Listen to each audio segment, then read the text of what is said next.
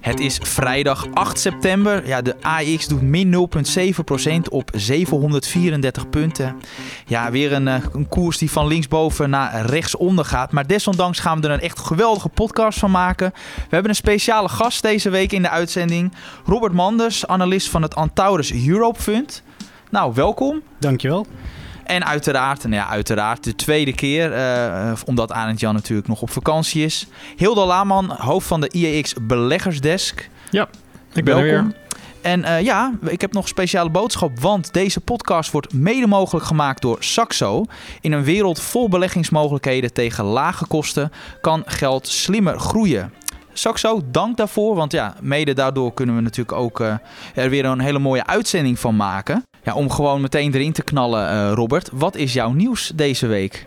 Nou, niet iets heel specifieks, maar wat mij opvalt is dat de macrodata, um, inkoopmanagersindices, werkloosheid, werkgelegenheid, uh, van alles en nog wat, dat dat allerlei kanten op beweegt. Sommige is wat, uh, wat beter, andere data is wat slechter.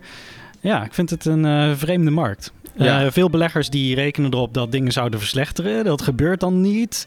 Maar andere dingen verslechteren dan weer wel. En, ja, en als je iets eh, specifiek, want we zagen natuurlijk uh, onder andere cijfers over de Amerikaanse dienstensector. Dat was dan weer uh, beter dan verwacht. is dat een cijfer wat je als analist in de gaten houdt? Of hoe, hoe kijk jij daarnaar? Uh, ja, zeker. Die dienstensector, dat was wel een goede. Maar je ziet dat in Amerika dat heel veel, vrij veel dingen de goede kant op bewegen. Ook de GDP nou van de Fed, die uh, gaat heel goed. Uh, veel beter dan verwacht. Dus dit kwartaal hebben we daar zeker nog geen recessie. Um, anderzijds zie je in Europa ook wel afkoeling. In Duitsland bijvoorbeeld. En dat industrie is wel vooral? Ja, industrie vooral. Um, dus ja, het, het, het, het, is moeilijk. Als, als jij want inderdaad, het is een hele lastige markt. Je ziet de markt ook een beetje uh, terug, terug, terugkomen. Ja, eh, wat, wat, wat moeten we hier nou mee, Hildo? Wat kunnen we nou met, met deze markten? Hoe, nou, kijk jij daarnaar? Volgens mij is het uh, een belangrijke kwestie voor, de, voor beleggers is nog steeds: komt er wel of geen Amerikaanse recessie? Kijk, in Europa zie je al her en der dat het, uh, dat het toch wat, uh, wat minder is. Maar Europa is voor de beurs uiteindelijk niet maatgevend. Dat, dat is en blijft toch de VS. Als het slecht gaat in de VS, dan, uh, dan gaat het overal slecht. En weet de VS een recessie te ontlopen, dan zal dat voor de beurs goed nieuws gewoon simpelweg goed nieuws zijn. Ook al gaat het in Europa minder. En wat, je, wat ik de laatste week een beetje bespeur, is dat het sentiment toch weer eens richting uh, er komt wel een recessie in de VS uh, eh, gaat. Um, en dat, dat kan natuurlijk ook weer veranderen. Uh, maar dat zie je gewoon de laatste weken. Zie je dat die angst, komt die dan in het laatste kwartaal of komt die in 2024? Die angst, die komt. En, en hoe dat gebeurt, dat is natuurlijk niet één precies punt voor aan te wijzen om te zeggen, nou dat komt daardoor. Maar dat is gewoon een sentiment wat dat betreft gewoon moeilijk te vangen in één getal. Ja, denk ik. wat het, het lastige is, je hebt aan de ene kant wat zwakkere, of tenminste ja, in de VS dan wel wat beter, in Europa wat zwakker. Maar die inflatie is des desondanks zeker in Europa nog wel echt, echt wel groot. Is dat niet een, een punt van zorg? Nou, je ziet, kijk, in, Amerika zie je echt wel verbeteringen. het, gaat, het gaat de goede kant op. De vraag is natuurlijk, uh, blijft, dat, blijft dat zo? Dat, dat kan natuurlijk altijd, het kan altijd weer terugkomen. Maar ik denk trouwens um, dat nog een andere factor is dat, dat China, ja, China dat, dat gaat met die, met die vastgoedproblemen daar. Dat gaat niet helemaal de goede kant op. Dat is vooral voor Europa een probleem, voor, voor de VS ook een probleem, maar wat minder sterk dan voor uh, Europa. Maar dat gooit natuurlijk wel, dat is natuurlijk wel olie op het vuur voor recessieangst, zoiets. Dus dat is, uh, ik denk dat dat ook een factor is. Um, en ja, we, we, gaan het zien, want dat, dat is het moeilijke met zo'n recessie. We weten pas, uh, hij wordt pas vaak verklaard op het moment dat we de, de dikke klap al uh, gehad hebben. Dat is natuurlijk heel erg lastig. die macro's, je, je, bent analist bij Antaurus. Hoe, hoe, hoe, hoe baseren jullie de beleggingskeuze op? Kijken jullie daar heel erg naar of kijken jullie toch meer naar de bedrijven in plaats van macro? Beide? Nou, we hebben de luxe dat we een long-short fund zijn. Dus eh, en onze macrovisie is niet eens heel erg belangrijk.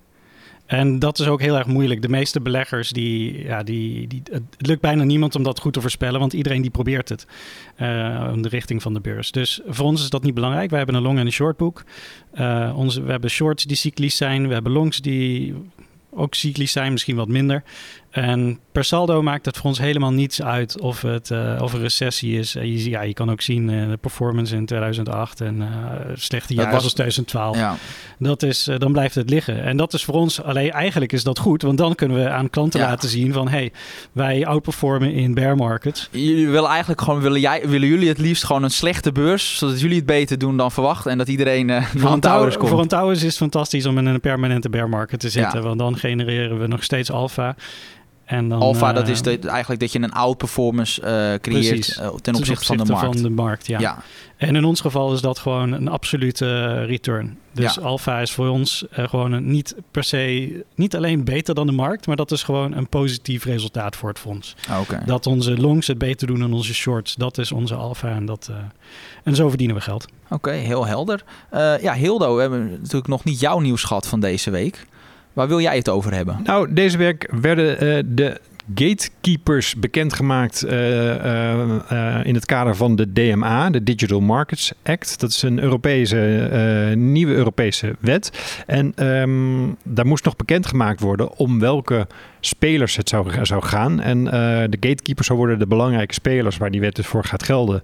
Die zijn deze week bekendgemaakt. En dat zijn op zich geen opvallende namen. Dat zijn de, de Alphabet, Amazons, Meta-platforms, ook ByteDance met TikTok, Microsoft, Apple. Dat zijn ja, het zijn de, de grote bekende tech-reuzen. Dus dat, was, is, dat is op zich niet zo heel uh, uh, verbazingwekkend. Maar wat, uh, kijk, wat ik op zich interessant vind is... wat gaat dat precies voor gevolgen hebben voor de resultaten van deze bedrijven? Je zag dat bij Meta, toen Apple dat tracking van Apple-gebruikers ehm, ging beperken... Ehm, en daar, daar had Facebook best wel... Meta had daar met Facebook en Instagram best wel last van. Maar uiteindelijk Um, zie je gewoon, als je wat ietsje verder kijkt, dat dat eigenlijk best het, het effect best wel is meegevallen. Uh, en ik denk dat we hier een beetje een vergelijkbaar eh, effect zullen gaan hebben. Dat, um, dat je op korte termijn zie je echt wel wat gevolgen. Maar dit zijn zulke grote bedrijven, die kunnen bakken met mensen inhuren om weer allerlei slimme trucjes te verzinnen. Uh, om toch de effecten van dit soort regelgeving te kunnen beperken. Dus verwacht, ik, Jij verwacht ik er wat van. Ja, maar eh, ik verwacht geen drama's. Nee, oké. dus je verwacht niet dat dat de winstgevendheid van die grote techreuzen... Op korte eh, termijn kan het wel uh, invloed hebben. Maar op lange termijn denk ik dat deze bedrijven slim en handig genoeg zijn om hier... Dus als jij die aandelen in portefeuille hebt, dan zeg je van... nou, op basis hiervan zou ik ze echt niet van de hand doen. Nee, niet, nee als je, tenzij je misschien een hele korte termijn speler bent. Maar dat ben ik zelf niet hoor. Maar als je gewoon een lange termijn kijkt, zou ik me niet hier door, direct door laten uh, weerhouden. Oké, nou ik had ook nog uh, een nieuwtje over Philips. Uh, um, ja, die, die schikken, ja, er werd nog wel eens in de media nog wel eens gezegd van, nou ja, ze schikken dus, als het ware in de, in de Verenigde Staten als het gaat om die schadeclaims. Alleen dat is economische schade. Dus wel echt een belangrijke winstwaarschuwing die moet afgeven. Het gaat om ongeveer 480 miljoen uh, dollar. En dat is vooral voor, uh, ja, om, de, om mensen ja, te compenseren voor de extra medische kosten die ze hebben gemaakt. Uh, te denken aan aanschaf van medische apparaten. Maar het belangrijkste, en dat is het heikele punt. Um, zijn die slaapopneus nou, of apparaten, nou hebben ze wel uh, voor kanker uh, gezorgd of kankerverwekkende stoffen uitgestoten, ja of de nee? Daar zegt deze schikking niets over. Dat is ook de reden waarom die koers hier niet op bewoog, omdat dit niet is waar wij als beleggers naar kijken. Wij kijken echt gewoon puur van, uh, ja, hoe, waar gaat dat uiteindelijk toe leiden qua gezondheidsschade? En die claims, dat, dat zal echt uh, significant groter zijn en ook veel lastiger te schikken. Dus uh, ja, dat, de, risico's bij Philips zijn wat mij betreft nog niet, nog niet weg. Dus, dus dat, ik weet niet, heb je er nog wat aan, iemand er hier nog aan dit onderwerp nog wat toe te voegen? Ja, ik weet, ik, ik ken jou Robert, jij bent niet heel enthousiast hè, over Philips als... nee, ik ben niet enthousiast over Philips. En uh, gelukkig zijn mijn collega's dat ook niet. Oké. We laten het lekker links liggen. Heel goed, heel goed. Nou ja, naar een, uh, ja, een, een, aandeel waar wij wel enthousiast over zijn, maar ja, het eigenlijk heel slecht doet dit jaar. Just Eat Takeaway, all-time low op het bord. Onder de 12, ik zag net op het bord 11,50 euro. Um, ja, hoe, hoe vaak. Het is misschien gewoon een wekelijkse vraag die ik stel in deze podcast. Maar uh, ja, Robert, ik weet dat jij er ook nog wel eens met extra interesse naar kijkt. Waar ligt de bodem? Ik uh, was ook heel erg verbaasd eigenlijk over dit uh, resultaat en over, over waar het aandeel Justy Takeaway naartoe gaat. Daar ben ik wel verbaasd over. Uh, want als je kijkt naar de schattingen van analisten, die gingen dit jaar sterk omhoog en de koers ging sterk omlaag. En concurrenten gaan ook omhoog. Dus ja, ik weet het ook niet meer. Maar als je kijkt, maar wat denk ik wel een probleem was, waren de halfjaarcijfers. Um, die waren heel goed. Maar er kwam geen guidance upgrade. Uh, waardoor nu de implicatie is dat in de tweede helft van het jaar de winst omlaag gaat. En ja, daar, dat vinden beleggers natuurlijk niet leuk. Of, of, of Jitse Groen, ja, ik, ik ken hem zo niet. Of hij is te conservatief. Hoe kijk jij daarnaar? Dat denk ik eigenlijk ook. Uh, collega's van mij zijn twee weken geleden bij uh, Justy Takeaway op bezoek geweest. Hebben met de Investor Relations afdeling gesproken. En um, daaruit lijkt er toch wel. Want ze vroegen. Want ja, we, we zijn ook niet heel erg tevreden over deze belegging. Um, dus ze vroegen wel van, hey, we, we, zijn hier niet heel erg blij mee met hoe, de, de hoe het hier gaat en hoe de communicatie uh, verloopt. Uh, wat is dit? En toen zeiden ze wel van, ja, kijk, in het verleden waren we altijd te positief. Uh, dat was steeds keer op keer. Daar waren we heel positief. Je zo groen, oh super positief. Oh, alles gaat goed. En ja, beleggers die raken dan heel snel heel erg teleurgesteld als het dan niet zo positief is. En ze willen van dat imago af ook, van altijd te positief zijn. En, uh, en, daarom zijn ze nu wat voorzichtiger, terwijl ze eigenlijk gewoon sterke halfjaarcijfers hadden. En natuurlijk voor de lange termijn. En ik denk dat de meeste mensen die ons ook luisteren, dat benadrukken we ook wel vaak. Uiteindelijk draait het om de lange termijn. En op het moment dat Just Takeaway gewoon puur alleen actief blijft in zijn kernmarkten in Europa, en het over Duitsland, Nederland, Verenigd Koninkrijk en in bijvoorbeeld het Verenigde Staten weg afstoot en al die kleine uh, ja, participaties in al die landen hebben, als ze dat afstoten, dan kan er ineens een hele winstgevende onderneming uh, ontstaan. Hoe, hoe, kijk jij daarnaar? Of, of, ja, die analyse die delen we. Ja, maar dat, dat is ehm, natuurlijk de, de fantasie die er uiteindelijk in zit. Klopt. En wat ook interessant is, is de Q3-cijfers, de derde kwartaalcijfers. Of ja, dat is een soort van trading update. 18 oktober. Um, dan kan het zijn dat zij hun guidance gaan bijstellen. Want als je kijkt naar hoe het het afgelopen half jaar ging, ze hebben allerlei kosten eruit gesneden. En als je die kosten doorrolt naar het volgende half jaar. En als je daarbij ook nog bedenkt van dat de omzet best goed kan verlopen, omdat uh, het vierde kwartaal altijd goed is. Uh, dan wordt er veel besteld. Uh, veel maaltijden. Dan is het gewoon dus heel moeilijk voor te stellen dat ze op of onder die 275 komen. Oké, dus jij zegt... En dan moeten zij gewoon gaan zeggen van... oh ja, eh, onze guidance was te laag. Dus jij zegt in feite, Just Eat Takeaway gaat, zijn gaat mogelijk positief verrassen bij de derde kwartaalcijfers. Mogelijk. Oké, heel goed, interessant. Hoe kijk jij daarnaar, Hildo?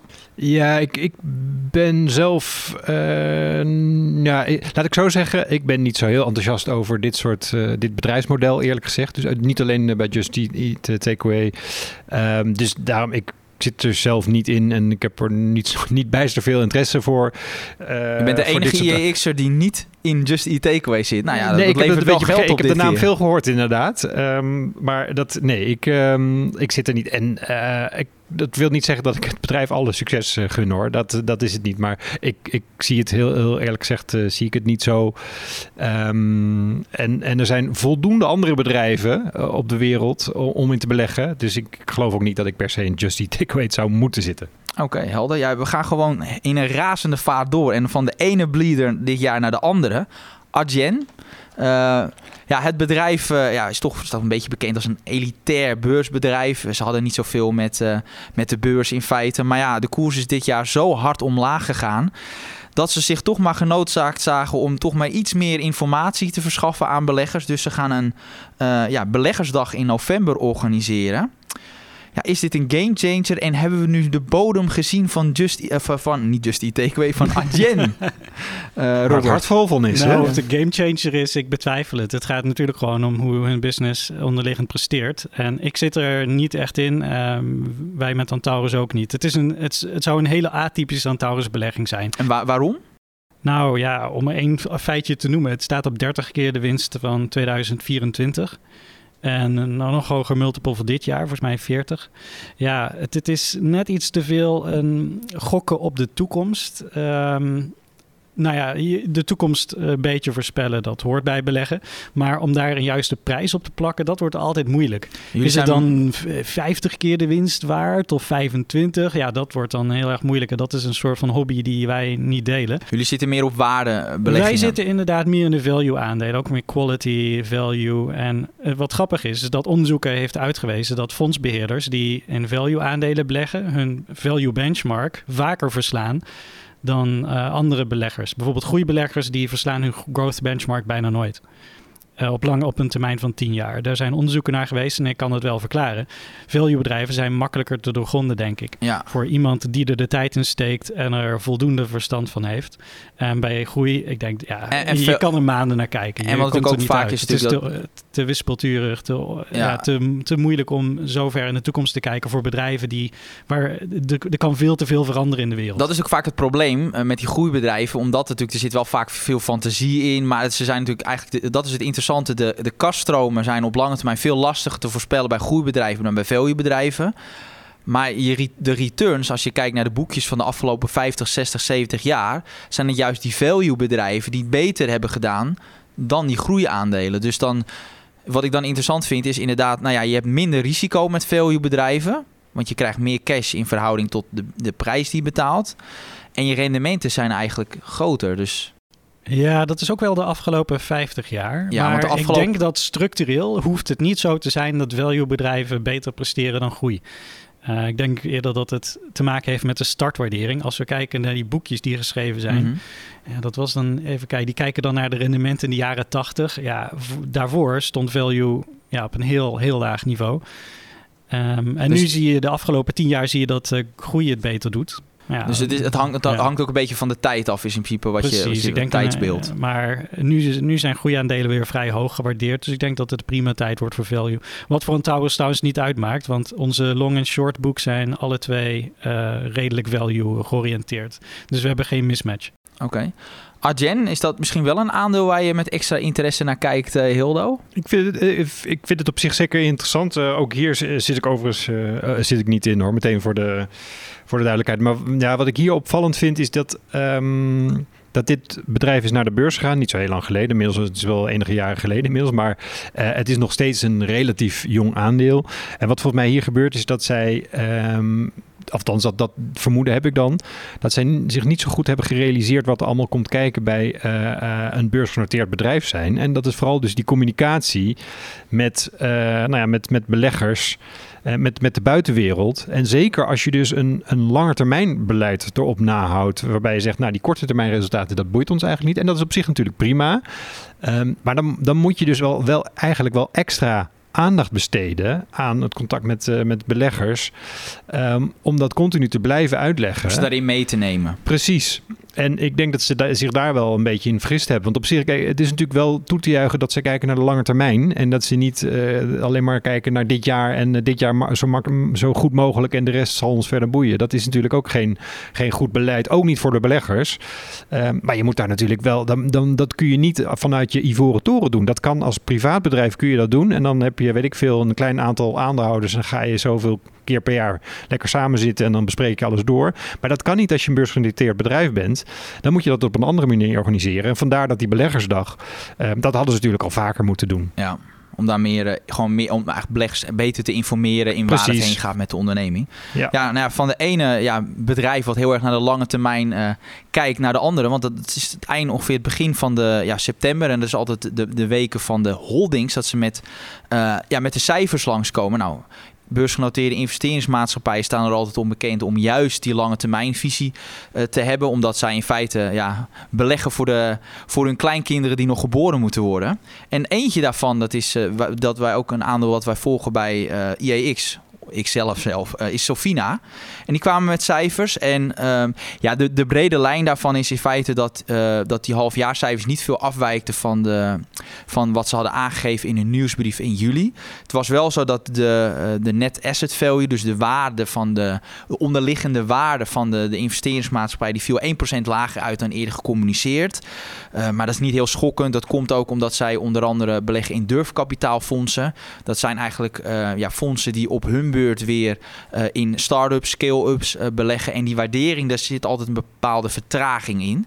en daardoor kon dat dus afwijken. Maar um, ja, al met al um, ja, daarin weinig verrassingen. Uh, wat wel interessant is om altijd mee te geven aan beleggers, is dat uh, Sofina een, een, een, investeringsmaatschappij is dat zeer, ja, zeer breed is in, uh, in, in de bedrijven die ze beleggen. Ze richten zich weliswaar veel op groei en ja, start- en scale-ups, maar via al die durfkapitaalfondsen, maar ook directe beleggingen die ze doen, ja, investeren ze in 7000 verschillende bedrijven. En dat is wel iets, ja, als jij in goede bedrijven wil, dan wil je natuurlijk niet te veel op één paard wedden. Dus dat, dat is een van de redenen waarom ik uh, dat, uh, dat bedrijf altijd wel interessant uh, ja, met extra interesse volg. Het echte advies daarvoor moet u naar de website. Um, want daar heb ik gewoon een uitgebreide analyse staan. Um, ja, voordat we naar de luistervragen gaan, heb ik nog één dingetje. Ook nog Dieteren staan. Die kwamen gisteren na beurs met cijfers. Vanochtend ook, uh, ik keek even op het koersenbord, uh, 5% om, omhoog. Um, ik heb ze natuurlijk zelf, um, volg ik ze, maar ik weet ook bij Antaurus, kijken jullie er ook naar, naar uh, Dieteren. Wat, hoe, hoe, hoe zag jij die cijfers, uh, Robert, van Dieteren? Uh, heel positief. Ja, het is een uh, belegging die eigenlijk geïnitieerd is door een van onze founding partners. Het zit al heel lang in de portefeuille. En ja, ik, kan, ik kan de portefeuille zien en de winst en verliezen. Mm -hmm. En uh, ja, Dieter is wel degene waar we heel veel winst op hebben ja. gemaakt, uh, kan ik wel vertellen. Maar ja, dus we zijn hier blij mee. Ja, klopt. Ja, ook als je gewoon even puur die cijfers erbij pakt. Uh, winst voor belastingen met 47% omhoog. En je zag wel de, twee belangrijkste assets. Dat zijn uh, Belron en uh, het moederbedrijf van Carglass. En Dieter Automotive. En daar waren de cijfers wel ja, echt gewoon uh, ja, toch wel best wel, ja, best wel goed. Heel erg goed. Uh, ze verhoogden ook wel hun guidance van 900 miljoen winst naar 960 miljoen. Al zat daar ook wel weer een kleine meevaller, boekhoudkundige meevaller in. Maar al met al gewoon prima cijfers of, of goede cijfers. En dus ik denk niet dat jullie bij Antaurus ineens je beleggingsvisie op basis van deze cijfers gaat, gaat wijzigen. Nee, wat trouwens wel interessant was, is dat ze vertelden dat auto's sneller werden geleverd dan zij hadden verwacht. En daardoor gaat hun voorraadpositie omhoog. Daar, dus daar heeft een, cashflow wat last van. Niet zo heel belangrijk, maar ik vond het wel interessant voor de macro read-through, zeg maar. Um, als auto's zo snel geleverd worden, veel sneller dan verwacht. Hm, wat betekent dat voor de autoprijzen in de komende maanden? Ik denk dat, dat je een soort van supply glut krijgt. Wat houdt dat in, een supply glut? Nou ja, ik dat, denk dat, dat, weinig dat, mensen dat er dat veel weten. meer aanbod komt op de markt dan, dan er vraag is. En dat kan ook uh, invloed hebben op de autoprijzen en op de fabrikanten van auto's. Misschien zelfs is het een teken dat de vraag laag is. Nou, zo diep zit ik dan weer niet in de automarkt hoor. Daar, daar durf ik geen uitspraak over te doen. Maar ja, dat vond ik wel interessant. Ja, maar goed, dat is natuurlijk een van, een van de onderdeelnemingen van, uh, van, van Ja, van precies. Dat is een van de. Want het grote deel dat is eigenlijk Carglass. Dat is het Bel, belangrijkste. Belron inderdaad, dat moederbedrijf van Carglass. eh, ja, dat is meer dan de helft van de intrinsieke waarde. Dus in principe bepaalt dat bedrijf grotendeels de... Dat bepaalt eh, vrijwel alles. Ja, en dat maakt ook, en dat is wel belangrijk bij holdings, er zit vaak ook een discount op ten opzichte van de intrinsieke waarde. En je ziet vaak inderdaad bij holdings, waar dus bijvoorbeeld inderdaad die afhankelijk zijn van één bedrijf. Ja, daar zit gewoon die discount erop, omdat je daarmee als belegger ook eh, meer risico eh, loopt. Eh, maar goed, ja, uiteindelijk ehm, is het wel de verwachting, tenminste onze verwachting, dat ze dat Belron uiteindelijk naar de beurs gaan brengen. En dat zou dan ook weer tot een hogere waarde kunnen leiden. Maar ja, dat is gewoon eventjes afwachten. Ja, we zien gewoon dat we ruim halverwege zijn. Dus het is gewoon een heel mooi moment om naar de luistervraag te gaan. Ja, en we kregen weer een stortvloed van aan vragen. Dus ik heb weer eh, de tijd genomen om een mooie selectie eruit te pikken. Eh, en ja, ik brand gewoon los. Van een vraag van Tim731. En hij zegt, nou allereerst natuurlijk bedankt voor alle mooie podcasts. De setting van de podcast is leuk. En natuurlijk ook zowel de eh, brede en specifieke topics die langskomen. Nou, dank daarvoor. Oh ja, en hij zegt ook, mede daardoor ben ik nu alweer een half jaar lid van Premium. En geniet ik nu ook van de uitgebreidere analyses. Nou kijk, dat zijn echt de berichten die wij het liefste horen. Maar nu is een vraag. Uh, hij zegt van nou, nu zit ik ook een groot deel van uh, in ETF's. En hij zegt er is me wat opgevallen, vooral in de documentatie. En het gaat over de Vanguard FTSE All World ETF. En hij zegt ja, in die documentatie staat te zien... dit fonds kan niet gemakkelijk worden verzilverd. Weten jullie waarom dit hier staat? Want naar mijn idee is het juist altijd eenvoudig om zo'n uh, ja, zo'n zo'n ETF te verzilveren. Robert, hoe kijk jij daarnaar? Moeten we, moet, is dat een zinnetje wat opvalt waar we ons zorgen over het moeten maken? Het is een vreemd zinnetje inderdaad. Ik maak me er geen zorgen over. Um, het, je moet het meer zien in een juridische context, want het staat in een Key Information Document. Uh, dat is een soort van gereguleerd document. Dat wordt uh, hier in Europa hoor, hoor, je dat in te vullen. En het is een Amerikaans bedrijf. En ze hebben waarschijnlijk een jurist ingehuurd. Uh, hey, kun je dat documentje even opstellen? En die heeft in alle, alle Vanguard documenten in Nederland staat dat zinnetje. Het is wel een rare verwoording, verzilverd, maar het is toch super liquide. Want Vanguard mm -hmm. is een van de grootste passieve fondsbeheerders ter wereld. Een van de grootste indexfondsbeheerders. Um, maar ik denk dat het niet slaat op hoe makkelijk het te verkopen is op de markt. Want daar gaat het de meeste particuliere beleggers om. Maar het zou kunnen gaan omdat het moeilijk is om naar de beheerder zelf terug te gaan. En zeggen: Ik lever mijn ETF in en ik wil de onderliggende aandelen dan moet je een uh, authorized participant zijn, zoals dat heet. En ik kan me voorstellen dat, ja, dat is moeilijk. Ja, dus, dus in feite voor de particuliere belegger is dit gewoon een zinnetje wat eigenlijk niet... Het slaat nergens op voor de particuliere belegger. Heel goed, heel mooi. Ik denk dat het een heel duidelijk antwoord is. Nu een vraag van Antonio Dutch. En hij zegt, wat vinden jullie van cybersecurity ETF's zoals die van Wisdom Tree en Rise, Hildo? Ja, ik had het uh, vorige week uh, was er een vraag toevallig over thema-ETF's. Dit zijn natuurlijk twee thema-ETF's. En vorige week had ik al gezegd dat ik vaak een bezwaar heb dat een thema-ETF niet heel erg goed de lading dekt als je gaat kijken naar welke aandelen er nou precies in zitten. Nou, ik heb even naar, naar, de, de, de lading van deze twee ETF's gekeken. En ik moet zeggen, daar zit het hier wel goed mee. Dit zijn wel echt cybersecurity en data-achtige bedrijven die erin zitten. En dat is natuurlijk wel precies wat je wil.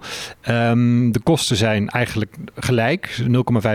De, de derde die zag ik 0,45 procent. Dat zijn jaarlijkse wel, lopende kosten. Ja, dat is wel ietsje hoger dan als je gewoon een hele brede ETF pakt. Uh, um, dus je, je, betaalt wel wat meer, maar dat is eigenlijk standaard bij the thema ETF's. Um, dus als je dat geen probleem vindt, dan, uh, dan, is dat, ja, dan, uh, dan zijn dit op zich om het thema te dekken. zijn dit goede uh, ETF's. ETF's, oké, okay, helder. Uh, de derde vraag is van uh, Yannick 3B. Ja, de derde vraag van Yannick 3B. Uh, gaat over Aedifica. Dus ja, dan weet u al dat je bij mij aan het goede adres bent. Aedifica heeft nu voor de tweede keer dividend uitgesteld en een emissie gedaan. Welke conclusie moet ik nu trekken? Als je dit op het eerst leest, dan denk je van dat is natuurlijk slecht nieuws. Nou, die emissie was ook al heel erg pijnlijk. Over dat dividend wil ik wel zeggen dat dat dividend niet is uitgesteld. Want het, wat het bedrijf die, betaalt altijd het dividend laat. Uh, ja, dat klinkt heel gek, maar ze, uh, je hebt ieder half jaar een soort van gaan ze ex-dividend. Maar over die eerste coupon, die wordt pas elf maanden later uitbetaald dan dat die ex gaat, ex-dividend. Dus dat is heel erg lang, uh, maar dat zijn we bij Aedifica gewend. Dus dat is niet zo dat het wordt uitgesteld het is wel zo. Um, een dividend en een emissie, ja, dat gaat natuurlijk altijd lastig samen. Want waarom zou je aan de ene kant kapitaal ophalen bij beleggers en aan de andere kant dat weer uitkeren? Alleen dat zit hem in Belgische wetgeving, omdat daar uh, het bedrijf tenminste 80% van het directe resultaat moet uitkeren aan dividend, zodat het gebruik kan maken van uh, ja, de verlaagde roerende voorheffing van 15%. Dus dat is waarom ze dat dividend wel uitkeren, zodat ze altijd gebruik kunnen maken van die, ja, van die korting. Dus dat ze minder dividendbelasting betalen. Alleen ja, dat is dit jaar natuurlijk wel heel erg pijnlijk. Omdat zij aan de ene kant dus die emissie deden tegen een best wel behoorlijke discount ten opzichte van de beurskoers. Dus uh, ja, dus dat is vervelend. Maar al met al, um, ja, het dividend niet uitgesteld. Dus, uh, maar goed, we houden dat uh, natuurlijk in de gaten.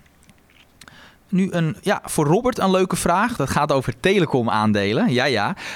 Um, uh, hij zegt van, dat gaat van over van Brieske. En hij zegt, ja, uh, de telecom aandelen lijken wat uit te bodemen. Wat vinden jullie van Pro Proximus? Ja, Proximus, de Belgische telecom aanbieder. Um, hij lijkt misschien goedkoop of zo, omdat hij 20% gedaald is dit jaar, terwijl KPN plus 10 ging. Dus het is niet zo dat alle telecom aandelen naar beneden gingen. Ehm, bij Antaurus hebben wij de keuze gemaakt om in KPN te beleggen en niet in Proximus. Uh, al een tijdje geleden trouwens. Um, de reden is dat Proximus nog heel veel investeringen moet doen in het glasvezelnetwerk. Ik las dat ze ongeveer een kwart van de Belgische huishoudens hebben aangesloten. Dat is niet heel veel. Uh, KPN zit boven de 50% van de Nederlandse huishoudens die ze hebben aangesloten op het glasvezelnetwerk. Dus er komt nog een ja, behoorlijke bak aan investeringen aan die ze nog moeten doen in België. Um, daarnaast is het probleem dat er nog een concurrent bij kan komen in de Belgische markt. Uh, het aantal spelers kan van drie naar vier gaan. En de Belgische overheid is bezig met vergunningen en zo. Maar dat is niet positief. Dat is een mogelijk negatief uh, kat, uh, Ja, dus, dus, inderdaad, hoe meer spelers, hoe meer concurrentie, Precies. dus ook meer prijsdruk en uh, ja, waarschijnlijk uh, dat je toch een deel van je marktaandeel verliest. Dus dat, dat is de reden waarom Proximus onder druk staat. Nou, ik weet niet of dat de reden is dat ze onder druk staan, maar dat is een reden waardoor ze in ieder geval in de toekomst onder druk kunnen gaan staan of blijven staan. Maar, maar hoe kijk en als je, kijkt naar de Ja. waardering, dan staat KPN op 11 keer de vrije kaststroom. En ze zijn ook behoorlijk bezig met het uitbreiden van een glasvezelnetwerk. En Proximus staat op 12 keer. Dus dan zou jouw voorkeur Dus de naar... kaststroom van KPN en van Proximus die worden beide gedrukt door de aanleg voor glasvezel. Maar KPN is, ja, is gewoon lager gewaardeerd. Dus ik, ja, ik snap niet waarom je per se naar België zou moeten gaan voor een uh, telecomaanbieder. Heel goed. Oh, hele duidelijke mening. Nou, tot slot, eh, leuke vraag ook voor jou, Hildo. Wat is het beste? Let your profits run of kill your darlings? Uh, ik moet dus kiezen uit de twee, neem ik aan. Ja. Uh, ik, ik, zou zeggen dat het beste, beste advies is dan toch uh, let your profits run. En waarom? Nou, omdat, kijk, ik, wat, wat ik denk, wat, wat heel veel beleggers denk ik doen, is dat ze te weinig gaan voor de langere beweging. En te veel um, op de korte termijn uh, uh, resultaten. Als je, als je gewoon lang in een aandeel ziet, dan kun je dus echt... Uh, in, kijk, een goed lopend aandeel, dan kun je behoorlijk hoge rendementen mee halen... als je gewoon maar geduld hebt. Als jij gaat voor 20% winst en je verkoopt dan weer... en je gaat weer wat anders zoeken... Um, dan maak je jezelf echt veel moeilijker. Um, dus daarom vind ik dat, dat lang blijven zitten... dat vind ik echt een heel belangrijk concept voor, voor beleggers in aandelen. Oké, ben je het daarmee eens, Robert? Over het algemeen is het inderdaad beter om lang te blijven zitten. Anderzijds, kijk, als je fair value bereikt is en je hebt een betere belegging in gedachten, ja, dan is Zo. er uh, geen reden om in een oude belegging te blijven zitten als die gewoon vol gewaardeerd is. Ja, nee, zo kijken we daar als analisten natuurlijk naar. We kijken altijd naar de, ja, in feite, hoeveel vinden we het waard? En op het moment dat die beurskoers daar op of boven staat, ja, waarom zou je dat aandeel dan houden? Precies, kun je net zo goed in de nek zitten. Je geld is er voor jou. Voor je vaste lasten, de sportschool en die goede koffie. Maar het liefst is geld bij Saxo. In een wereld vol mogelijkheden. Want met zoveel manieren om te beleggen, tegen lage kosten, kan geld slimmer groeien. Saxo is waar geld wil zijn. Kijk op saxo.nl. Saxo. Be invested. Beleggen kent risico's. Je inleg kan minder waard worden. Heel goed. Uh, nou, wat we natuurlijk altijd doen met, on vast, met, onze, met, met, onze gast van de week... is dat, dat je een onderwerp mag aandragen. En jij koos, ja, dat vond ik wel leuk, voor verzekeraars, Robert. Ja. Een onderwerp wat wij ook best wel vaak bespreken... maar dat, waar jij toch nog graag wat over kwijt wilde. En ik denk, nou ja, omdat dat, dat weten wij natuurlijk... dat heel veel luisteraars ook in verzekeraars zitten.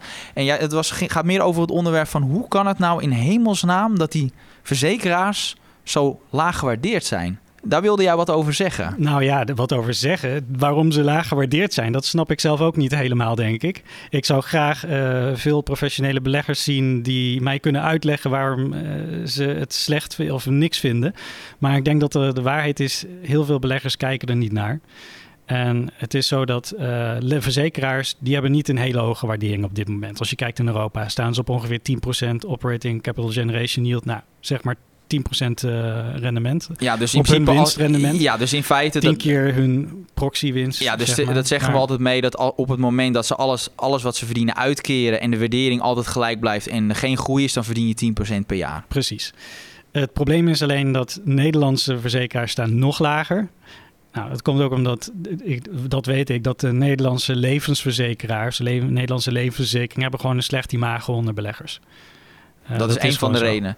Ja, het, want het is ook moeilijk om in te schatten. Het is een soort van een black box natuurlijk, levensverzekeringen. Daarnaast de Nederlandse markt, uh, die staat bekend om krimp. Uh, je hebt nog wat uh, akkefietjes, woekerpolis, alles en van alles Mhm. mm -hmm. en nog wat. En ja, beleggers die, ja, die houden daar niet van. Die denken, weet je wat, ik ga gewoon voor een uh, mooie Scandinavische schadeverzekeraar... die elk jaar uh, 5% winstgroei laat zien. En dat is lekker simpel daar gaan we in zitten. Ja, maar, een, een, ander argument, misschien is het een hele rare maar dat, dat kreeg ik ook nog wel eens te horen van, uh, van mensen. Van, speelt klimaatverandering daar ook niet een rol? Dat bijvoorbeeld als uh, bijvoorbeeld AZR heeft bijvoorbeeld een, een, best wel grote schadetak. Uh, dat als ja, vanwege dat er meer schade wordt veroorzaakt door, ja, door het veranderende klimaat, dat verzekeraars daardoor meer moeten uitkeren. Hoe kijk jij daarnaar? Nou, dat argument dat zie ik niet. Want je ziet wel op de beurs dat schadeverzekeraars een veel hogere waardering krijgen dan levensverzekeraars. En ja, de, dat, dat hele klimaat uh, gebeuren, de premies gaan dan ook omhoog. Hè? Dat, En verzekeraars, als een risico niet meer te verzekeren is, dan kunnen ze gewoon zeggen, we verzekeren het niet meer. Je hebt ook nog de, de herverzekeraars, uh, toch? Ja, precies. Die heb je dan ook nog, de herverzekeraars, om het laatste risico te achtervangen.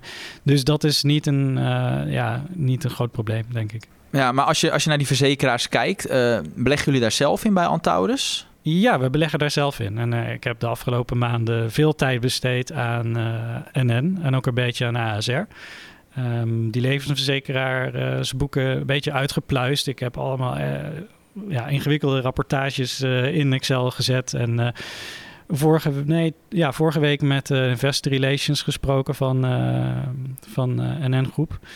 En um, ja, ik denk, ja, we zijn wel enthousiast geworden. Want die levensverzekeraar, maar dat is super impopulair. En als je kijkt naar bijvoorbeeld de nadeel als NN, staat het op een, uh, nou, we hadden het eerst over een rendement van 10%, zij staan op 18%. En dan is er nog uh, meer mogelijkheid om verder uh, te groeien, want die, de rente die is hoog.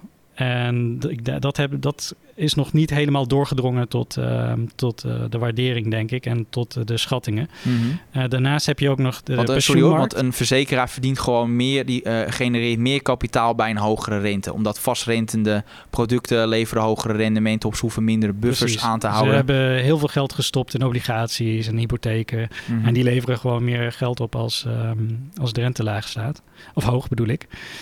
Um, dus dat is een belangrijk element. Een ander belangrijk element is dat die pensioenmarkten die in Nederland, die verandert. En het defined, uh, we gaan over van defined benefit naar defined contribution. Nou, heel lang verhaal. Uh, maar daar heeft uh, zowel ASR als NN hebben daar enorm grote marktaandelen. Um, ik denk dat hun marktmacht alleen maar toeneemt.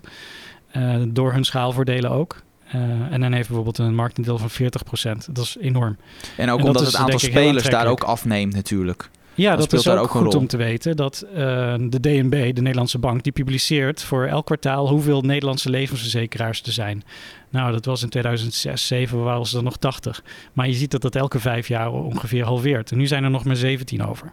En hoe minder spelers, ja, toch over het algemeen, hoe minder concurrentie, hoe hoger de marges die ze die verzekeraars kunnen, kunnen behalen. Uh, precies, en dat zie je ook um, in de value of new business heet dat dan. Want ze moeten dat actuarieel berekenen wat hun uh, marges zijn op nieuwe productie. En dat was, nou, voor corona was dat ongeveer 0%, 1, 0 tot 1%. En dat is inmiddels al opgelopen naar 4,5%. En dat klinkt weinig, maar dat is gewoon op de ingelegde premies. Dat is niet op hun kapitaal, dat is op de premies uh, die ze gaan ontvangen. Dus op hun kapitaal gaat dat een stuk beter zijn, denk ik. En daarbovenop kunnen ze ook nog uh, een rendement maken op hun beleggingen. Want die value of new business is berekend op de risicovrije rente. Maar ze maken natuurlijk rendement daarbovenop nog op hypotheken en zo. Dus rendement dus, op, op rendement. Als je, als, je een, keuze, als jij een keuze zou moeten maken tussen ASR en NN, waar zou, je, zou jouw echte voorkeur uh, op liggen? Of zou je zeggen, allebei kun je ze prima hebben? Je kan ze prima allebei hebben. Ik nodig beleggers uit om er zelf goed naar te kijken. Het zijn net twee iets verschillende dingen. NN heeft, zit ook iets meer in het buitenland, in Europa, Japan Japan. Uh, heeft dat een bank. Je, dat zit je al sneller met NN. Want Precies. bij AZR is het motto en, abroad is for holidays. Dus ja, dan, ja, dan zit je niet in het buitenland. AZR heeft zich ook bewezen dat ze een goede operator zijn. Hoor. Zeker qua kapitaalallocatie. En ze, ze zitten iets meer in schade. En AZR moet je denk ik uh, hebben als je iets meer gelooft in de Nederlandse schademarkt. Waar wij trouwens ook in geloven. Want daar heb je hetzelfde met die spelers dat alleen maar afneemt. En als je denkt dat, um, dat die synergievoordelen tussen Egon en ASR dat die eruit komen. Oké. Ja, want ik, ik, vorige week eh, hadden we het natuurlijk ook over verzekeraars, Hilde. En toen zei ja, ik vond het een overtuigend verhaal, Niels, wat je hield. Nou, nu ro houdt uh, Robert natuurlijk weer eigenlijk zo'n verhaal nog wel uitgebreider. Ben je nu Ja. wel echt overtuigd dat je denkt, ik ga die aandelen zelf niet ook kopen? Het, het klinkt, moet ik zeggen, heel goed. Eh, ik, ga niet over, ik ga niet zomaar aandelen kopen. Gewoon, eh, dat, ik, de- ik, dat, dat doe ik over het algemeen niet. Maar het, het klinkt zeer aantrekkelijk. En eh, als ik dit allemaal zo hoor. Kijk, wat, ik, ook- wat je op de beurs toch ook wel ziet. Is dat er ook, ook bij professionele beleggers. Eh, maar ook bij particulieren. Dat er trends zijn. Dus dat so- sommige sectoren gewoon, om wat voor reden dan ook. niet zo populair zijn. eh, en daardoor een beetje links, eh, eh, ehm, het, men ze links laat liggen. Ehm, en dat zou zomaar eens hier ook aan de, aan hand kunnen zijn. En dan is het gewoon een kwestie van wachten tot, tot, tot dat weer terugkomt. Je zag een tijdje geleden, zag je ook, ik bedoel, jarenlang waren, eh, wilde niemand ook maar één olie- olieaandeel hebben. En toen st- steeg die olieprijs ineens, de, die ging door het dak. en dan wil iedereen ze hebben. En dan wil ineens Ja. iedereen ze hebben. Dus dat soort, en dat zou met zo'n verzekering, kijk, als er, als er heel goed nieuws komt van een verzekeraar, eh, waardoor dat aandeel stijgt en dat komt ineens dan weer ehm, op ieders netvlies, dan zou je zomaar zien, kunnen zien dat, dat zo'n trend zich, het zich dan weer draait. Dus dat, ehm, Oké, helder. Ja, dus het een, eh, we gaan al richting het einde van de podcast. Dus is het een mooi moment om een favoriete rubriekje in te starten. De versnelde ronde.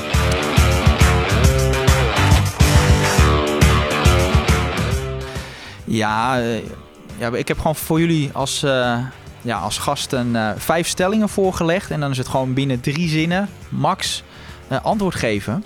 En dan start ik met jou, Hildo. Impost steeg bijna 10% op de sterke halfjaarcijfers. Krijgt de rally van dit jaar een vervolg? ja, is vo- een hele mooie voor mij. Ik heb veel te weinig verstand van impost om eh, dit, dit eh, hier een, een goed gefundeerde mening over te geven. Dus ik heb eerlijk gezegd, eh, ik weet het gewoon niet. Robert, Nou, ik denk het wel. ja, goed aandeel? Nou, dat, durf, dat zeg ik niet. Maar eh, ze hebben een goed momentum met hun aandeel en een goed momentum met hun eh, winst. Dus Oké, Ja, het dat is een positieve verhaal van Robert. Nu over Shell. Shell schurkt tegen de 30 euro aan. Robert, is het tijd om winst te nemen? wellicht. Hildo? Ik, ik denk, kijk, als je in Shell zit, dan zit je er waarschijnlijk eh, in voor eh, een hoog dividendrendement. Eh, en ik neem aan, zoals ik al eerst, kijk, ik ben van de lange termijn beleggen. Ik zou puur de 30 euro zou ik niet zien als een, als een moment om te verkopen. Oké. Boerenleiders leggen zich neer bij de krimp van de veestapel. Betekent dit het einde van For Farmers? Robert, Ja, het einde dat gaat te ver om dat te zeggen. Maar het is niet goed voor, voor farmers, dat is duidelijk. Ja, ik, ik zat heel even te kijken in, eh, in hun jaarverslag. En eh, de Nederlandse omzet is goed voor, laten we zeggen, ongeveer 40 procent. Dus een behoorlijk eh, hap is dat. En stel dat dat halveert, en dat zou natuurlijk kunnen. eh, ja, dan, dan verlies je dus toch 20 procent omzet. Dat is heel veel. Maar is dat einde verhaal? Nee, dat zou ik niet zeggen. Nou, je krijgt hem wel margedruk, hè? Ja, natuurlijk. Oké. Nu gaan we ja, van For Farmers naar box 3. De hervorming van box 3 is deze week een stapje dichterbij gekomen. Het is een goede zaak dat de belasting wordt geheven op werkelijk gerealiseerde rendementen in plaats van een fictief rendement. Robert, eens of oneens? Hildo.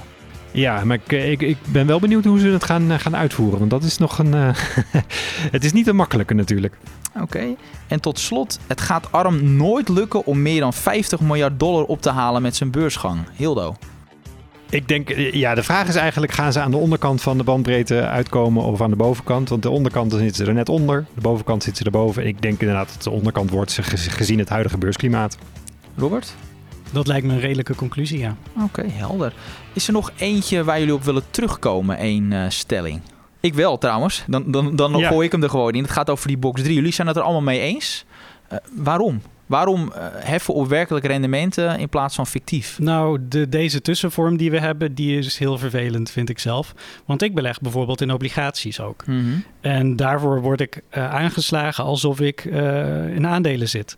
En dan hebben zij een fictief aandelenrendement. Nou ja, dat is niet per se het rendement dat je haalt op obligaties. En, Dus- ik, zit, bijvoorbeeld, ik zit trouwens ook zelf, privé, in het eh, Antaurus Fund belegd. En dat is gewoon een low volatility product. Dat is heel duidelijk. Ja, Eh, dus je gaat dan niet eh, plus 20% in een jaar doen als de beurs plus 20 gaat. Je gaat dan misschien plus 5 doen. En dan is het vervelend als je wordt aangeslagen alsof je Ja. plus Dus het- 20 hebt gedaan. dus het komt, bij jou wel gewoon goed, het komt jou wel goed uit. Ja, maar ik denk het is ook eerlijk, toch? Ja, het is maar gewoon dat, dat is natuurlijk het belangrijkste. Is dat het, het is een vrij eerlijke me- methode. Maar zoals ik al zei, wat het moeilijke natuurlijk is. Als jij het ene jaar op min 10 staat, eh, min 10 procent met je beleggingen en het jaar daarna plus 10. Hoe, ga, hoe word je dan belast? Dat is natuurlijk, kijk, daarom Nou ja, zei ik al, het is niet makkelijk uit te wel- voeren. je krijgt, nee, dat is dus het probleem. Want ik, ik, ja, ik mag als presentator in een normale podcast heb je dan geen mening. Ik wel. Eh, in bo- boksen, nou, ik ben juist totaal niet mee eens. En dat zit er met feiten. Je hebt één, het is een veel ingewikkelder systeem. Waarom doe je niet gewoon een vermogensbelasting? En twee, en die vind ik belangrijker. Ehm, ja, je, als je hogere rendementen maakt, dat is vaak ook het gevolg van het hogere risico dat je neemt. En waarom zou je gestraft moeten worden voor meer eh, voor hetgeen dat je meer risico neemt. Maar dat is een persoonlijk, maar echt persoonlijke, persoonlijke iets. Want ja, die spaarrekening is inderdaad een laag rendement. Ja, dat komt. Je neemt geen risico. Ja, en met aandelen. Ja, is maar om wel. mensen nou te belonen voor een hoger risico, dat is ook weer dat is Nou ja, dat wordt dus beloond normaal op lange termijn in een hoger rendement. Als, dat, als het goed gaat. Maar het obligatievraagstuk, dat moet je dan wel oplossen. Nou ja, ik vind, zeg gewoon... maar dat, gewoon- dat is niet te doen met de, met de huidige regelgeving. Want je kan niet als staat zeggen van... Oh ja, weet je wat? Eh, dat ene fonds, daar, die beleggen toevallig voor 90% in obligaties. Dan rekenen we die voor 90% nee, obligaties. nee, maar dat, 10% dat systeem is niks. Maar waarom doe je niet En je gewoon... hebt dan ook high yield eh, bonds. Eh, hoe ga je die aanslaan? Nee, dan maar- heb je nog Ja, zoveel nee, dat is, categorieën. nee, maar Dat- daarom kun je toch gewoon één systeem dat je gewoon zegt van joh, iedereen boven een x bedrag moet bijvoorbeeld anderhalf procent aan vermogensbelasting Oh, dat is betalen. het oude systeem. Nee, dat, dat is geen vermogensrendement. Daar was het. Dat oh was ja, het. oké. de gewoon een vermogen- vermogens. Gewoon een Nee, heel simpel. Ik bedoel, we Ja. hebben al een tekort aan, aan aan mensen in, in dit land. En wat gaan we doen? Een ingewikkelde systeem maken. Maar Nee, goed, dat nee, is een nee, nee, discussie. daar ben ik het wel mee eens. Dat Heel is goed. prima hoor. Lekker simpel. Dankjewel, dankjewel. nou ja, eh, maar goed, dit is altijd dus een politieke discussie. Daar, daar ja, kom je eigenlijk nooit uit. Maar ik kon het niet laten om er ook wat over te zeggen. Ehm, ja, en dan hebben we dit gehad. En dan gaan we door naar Kiek op de grafiek. Laten we Wouter erbij halen. Ja, aangeschoven is Wouter Slot van Tostrams.nl. Nou Wouter, met welke grafiek eh, ben je naar ons toegekomen? Eh, Niels, dankjewel. Ja, de, eh, de aandelenbeurzen zijn iets minder mooi de laatste week. Dat is mij ook opgevallen. dus ik pak even iets anders. Ik heb Bitcoin voor je Heel goed. meegenomen. Ehm, ja, die- de, cryptomarkt is, eh, ik moet eerlijk zeggen, ondanks eh, dat de hype wel een beetje voorbij lijkt, eh, blijft die nog wel redelijk liggen. We hebben dit jaar, zeker zoals Bitcoin, nog best wel een flinke stijging gehad vanaf begin dit jaar. En we zien nu dat de, die stijgende fase is eigenlijk voorbij. En dan zien we meer een soort van neutrale bandbreedte ontstaan. Die, die zo rond de 25.000 zit aan de onderkant. Er liggen wat oude toppen en bodems. En aan de bovenkant heeft hij zijn hoofd gestoten zo rond de 31.000 dollar.